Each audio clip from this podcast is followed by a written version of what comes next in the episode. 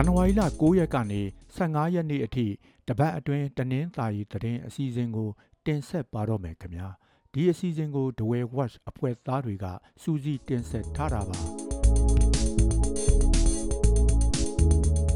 လောင်းလုံးမြို့နယ်ကမျောကင်းရွာမှာလူဦးရေစည်ရင်ကောက်ယူနေတဲ့အဖွဲ့ကိုလုံခြုံရေးလိုက်ပါလာတဲ့စစ်ကောင်စီတပ်ဖွဲ့ဝင်တဦးဇန်နဝါရီလ9ရက်နေ့ကပြစ်တက်ခံလိုက်ရပါတယ်။အရက်ဝက်နဲ့လုံခြုံရေးလိုက်ပါလာတဲ့ ဒူရဲအုပ်တဦးတေဆုံးခဲ့တာလို့ဆိုပါတယ်။ဒီပြစ်ခတ်မှုကို DGRF ဒဝဲပကဖနဲ့ပူးပေါင်းလှုပ်ဆောင်ခဲ့တယ်လို့လောင်းလုံးမြို့နယ်ပြည်သူ့ကာကွယ်ရေးတပ်ဖွဲ့ကထုတ်ပြန်ထားပါတယ်။ပြည်သူ့ကာကွယ်ရေးတပ်ဖွဲ့အနေနဲ့စစ်ကောင်စီရဲ့မောင်းပြန်တနတ်တလဲလဲသိမ်းဆည်းနိုင်ခဲ့တယ်လို့ထုတ်ပြန်ချက်ကဆိုပါတယ်။ပြစ်ခတ်မှုဖြစ်ပြီးတဲ့နောက်မှာတော့စစ်ကောင်စီတပ်ဖွဲ့ဝင်တွေရောက်လာပြီးစစ်ဆေးခဲ့ပါတယ်။ အဲ့ဒီနောက်မှာတော့အနီးအနားကကမျောကင်းတရားဖြတ်တန်းခွစ်ကိုစစ်ကောင်စီကပိတ်ချလိုက်ပါတယ်ဒီလိုပိတ်ချလိုက်တာကြောင့်လောင်းလုံးဘဲချမ်းနဲ့ဒဝဲဖက်ချမ်းမှာခရီးသွားရာချီပိတ်မိနေခဲ့ပါတယ်ညနေပိုင်းမှာတော့တရားဖြတ်တန်းခွစ်ပြုခဲ့တယ်လို့ဆိုပါတယ်စစ်ကောင်စီကအခုနှစ်အတွင်းအထွေထွေရွေးကောက်ပွဲကျင်းပဖို့တနိုင်ငံလုံးအတိုင်းအတာနဲ့လူဦးရေစည်းရင်းလိုက်ကောက်နေတာဖြစ်ပါတယ်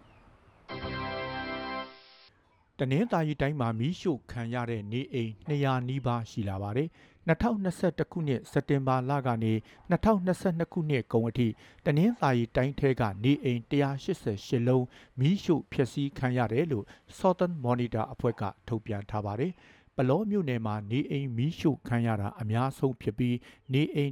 115လုံးရှိခဲ့တယ်လို့ဆိုပါတယ်။ ဒါအပြင်တရဲချောင်းတနင်းသာရီရေးဖြူဒဝဲလောင်းလုံးနဲ့မြိတ်မြို့နယ်တွေမှာလည်းမီးရှို့ခံရတာတွေရှိတယ်လို့ဆိုပါတယ်စစ်ကောင်စီတပ်နဲ့လက်အောက်ခံအဖွဲ့တွေကမီးရှို့တာဖြစ်တယ်လို့ Southern Monitor ရဲ့ထုတ်ပြန်ချက်မှာဖော်ပြထားပါတယ်။ Southern Monitor အဖွဲ့ဟာတနင်္သာရီတိုင်းတွင်ဖြစ်ပေါ်နေတဲ့လူမှုစီးပွားရေးပဋိပက္ခအခြေအနေစစ်ပြေးရှောင်ပြည်သူများအရေးနဲ့လူအခွင့်အရေးချိုးဖောက်မှုဖြစ်စဉ်တွေကိုစောင့်ကြည့်လေ့လာနေတဲ့သုတေသနအဖွဲ့တစ်ခုဖြစ်ပါတယ်။ တဝဲအရှိတော်နယ်တိုက်ပွဲမှာဗျူဟာမှုနဲ့စစ်ကြောင်းမှုတာဝန်ယူထားသူတို့ကြာဆုံးသွားခဲ့ပါတယ်။တဝဲပျောက်ကြားတော်လှန်ရေးတပ်ဖွဲ့ DGRF ရဲ့လက်ဦးဆရာလည်းဖြစ်ဗျူဟာမှုလည်းဖြစ်ပြီးအုပ်အောစစ်ကြောင်းရဲ့စစ်ကြောင်းမှုလည်းဖြစ်တဲ့ဖာတီဆိုးဝင်ကြာဆုံးသွားပါတယ်။အရှိတော်နယ်ထဲကဘဲမတက်တောင်တိုက်ပွဲမှာအသက်65နှစ်ရှိပြီဖြစ်တဲ့ဖာတီဆိုးဝင်ကြာဆုံးသွားတာလို့ဆိုပါတယ်။ဇန်နဝါရီလ9ရက်နေ့ကတဝဲထီခီလန်သင်္ကန်းတုံးရွာနဲ့ ဝါကုန်းရွာအကြားမှာရှိတဲ့ဘက်မတက်တောင်တိုက်ပွဲမှာကြာဆုံးခဲ့တယ်လို့ DGRF ကထုတ်ပြန်ထားပါတယ်။တဝဲအရှိတော်ဒေသကိုစစ်ကြောင်းထိုးလာတဲ့စစ်ကောင်စီတပ်ကိုပြည်သူ့ကာကွယ်ရေးပူးပေါင်းအဖွဲ့တွေကလမ်းတစ်လျှောက်စီးကြိုတိုက်ခိုက်ခဲ့တာပါ။သူဟာ2021ခုနှစ်ဧပြီလကတဝဲမြို့ကျက်စားပြင်ရက်ွက်တပိတ်စစ်ကြောင်းကိုစစ်ကောင်စီတပ်ကဖြိုခွင်းတာကိုလက်နက်ကင်ခုခံတော်လှန်ရေးစတဲ့နေ့မှာလဲဥဆောင်ပါဝင်ခဲ့တယ်လို့ဆိုပါတယ်။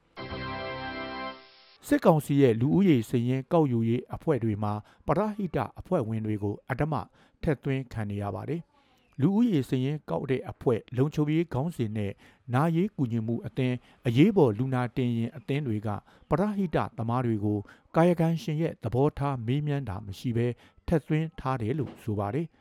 ဒါပေမဲ့ကြေးရွာရက်ွက်တိုင်းကိုထက်သွင်းတာမျိုးမဟုတ်ပဲကြေးရွာအချို့မှာပဲဒီလိုဖြစ်နေတာပါစန္ဒမှာပါပဲလူဦးရေစင်းရင်ကောက်ယူရေးအဖွဲ့မှာထက်သွင်းခံထားရသူတွေဟာအန်ဒီရဲ့ကြောက်ရောက်လာမှာကိုစိုးရိမ်နေကြရပါတယ်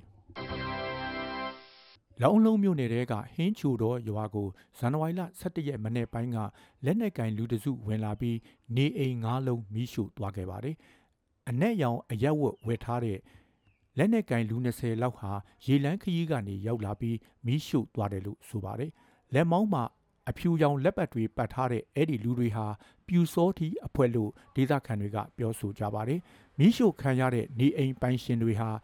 NLD ပါတီဝန်းရံဖူးသူတွေဖြစ်နေတာနဲ့မိလာရှုသူတွေကင်ဆောင်ထားတဲ့တနတ်တွေမှာစစ်ကောင်စီတပ်ဖွဲ့ဝင်တွေကင်ဆောင်တဲ့အမှတ်အသားတွေတွေ့ရတယ်လို့ဆိုပါတယ်။ မီးရှို့ခံရတဲ့နေအိမ်၅လုံးမှာ၄လုံးကလုံးဝပျက်စီးသွားပြီးနောက်တစ်လုံးကတော့အနှဲငယ်ပျက်စီးသွားတယ်လို့ဆိုပါတယ်။နေအိမ်မီးရှို့ဖို့ဝင်ရောက်လာချိန်မှာဒေသခံ30လောက်ကိုဖမ်းဆီးထိုင်ခိုင်းထားပြီး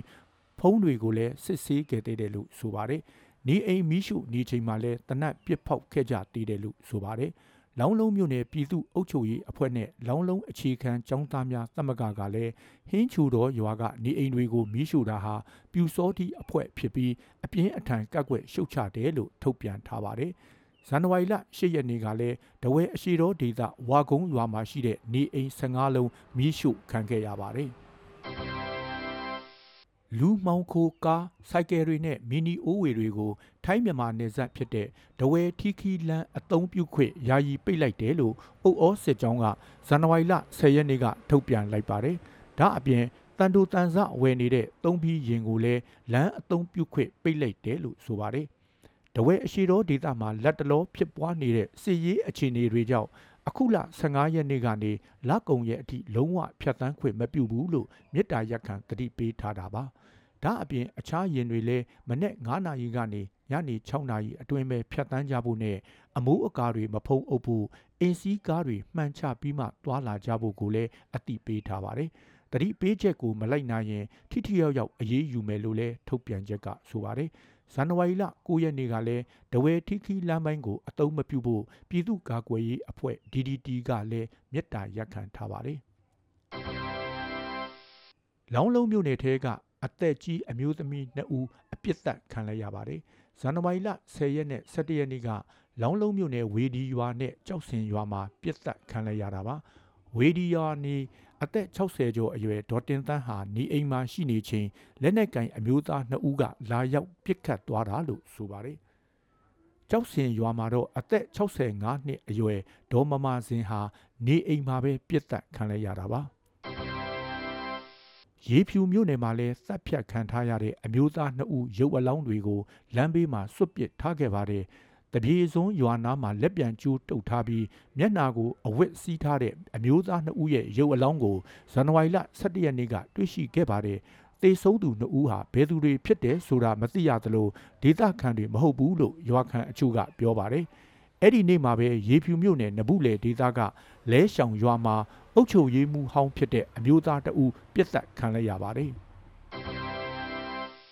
လောင်းလုံးမြို့နယ်သဘောစိတ်ရွာမှာလဲစစ်မှုထမ်းဟောင်းအမျိုးသားတဦးဇန်နဝါရီလ9ရက်နေ့ကပြစ်ဒဏ်ခံလိုက်ရပါတယ်။အဲ့ဒီကျေးရွာကအောင်ချမ်းသာရက်ွက်မှာနေတဲ့အသက်50ကျော်အရွယ်စစ်မှုထမ်းဟောင်းဦးကျော်လွင်ဟာနေအိမ်မှာပဲပြစ်ဒဏ်ခံလိုက်ရတာပါ။ဦးကျော်လွင်ဟာစစ်ကောင်စီတပ်စစ်ကြောင်းထိုးရမှာလမ်းပြပေးနေတယ်လို့မကြာခဏသတင်းပေးနေသူဖြစ်တဲ့အတွက်ရှင်းလင်းခဲ့တာလို့လောင်းလုံးမြို့နယ်ပြည်သူ့ကာကွယ်ရေးတပ်ကထုတ်ပြန်ထားပါတယ်။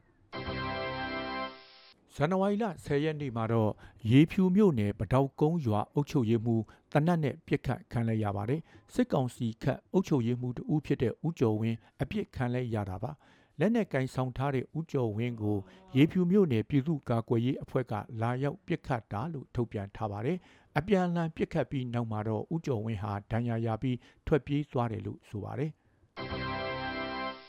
တဝဲမှာဆက်ဘိန်းတခိုးတွေတောင်းကျမ်းလာပြီးပျောက်ဆုံးတာတွေခက်စိတ်စိတ်ဖြစ်လာပါတယ်တဝဲမြို့မှာလမ်းဘေးရပ်ထားတဲ့ဆက်ဘိန်းတွေအခိုးခံရတာရှိသလိုရောင်းချတဲ့ဆိုင်တွေမှာပါအခိုးခံနေရပါတယ်လက်ရှိအချိန်ထိဆက်ဘိန်းခိုးသူကိုမဖမ်းနိုင်သေးသလိုအခိုးခံရတဲ့အချိန်အရေးတွေလည်းပိုများလာတယ်လို့မြို့ခံတွေကပြောပါတယ်အခိုးခံရတဲ့ဆက်ဘိန်းတွေမှာသော့အိမ်မပါတဲ့အတွက်အလွယ်တကူပဲအခိုးခံနေကြရတာပါ